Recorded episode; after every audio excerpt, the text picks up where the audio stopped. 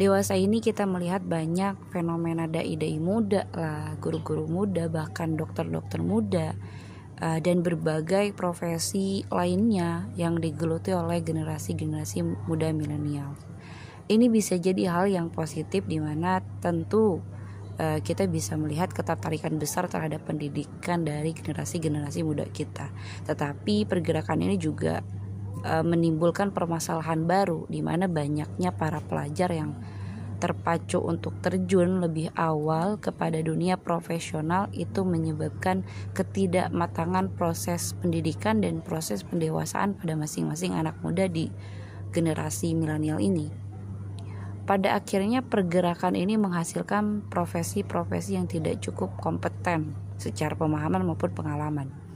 Namun memang tidak bisa dipungkiri bahwa sebagian dari generasi ini mungkin juga e, memiliki kompetensi yang layak dan mampu bersaing bahkan ya dengan senior-seniornya di generasi-generasi terdahulu gitu. Tetapi ya sangat disayangkan juga karena kebanyakan dari mereka tidak memenuhi kebutuhan kompetensi itu.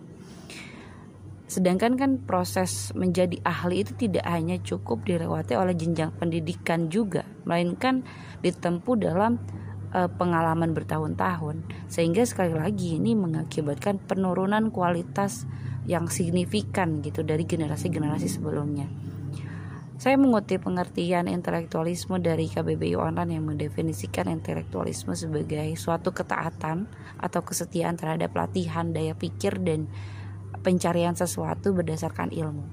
Nah, ini juga merupakan permasalahan selanjutnya bahwa kebanyakan daripada pemahaman generasi kita dewasa ini terhadap pencapaian pendidikan yang didapat adalah untuk mencapai profesi tertentu. Kemudian selanjutnya hal tersebut bertujuan meningkatkan strata sosial eh, kepada jenjang yang lebih tinggi dibanding teman-teman sejawatnya.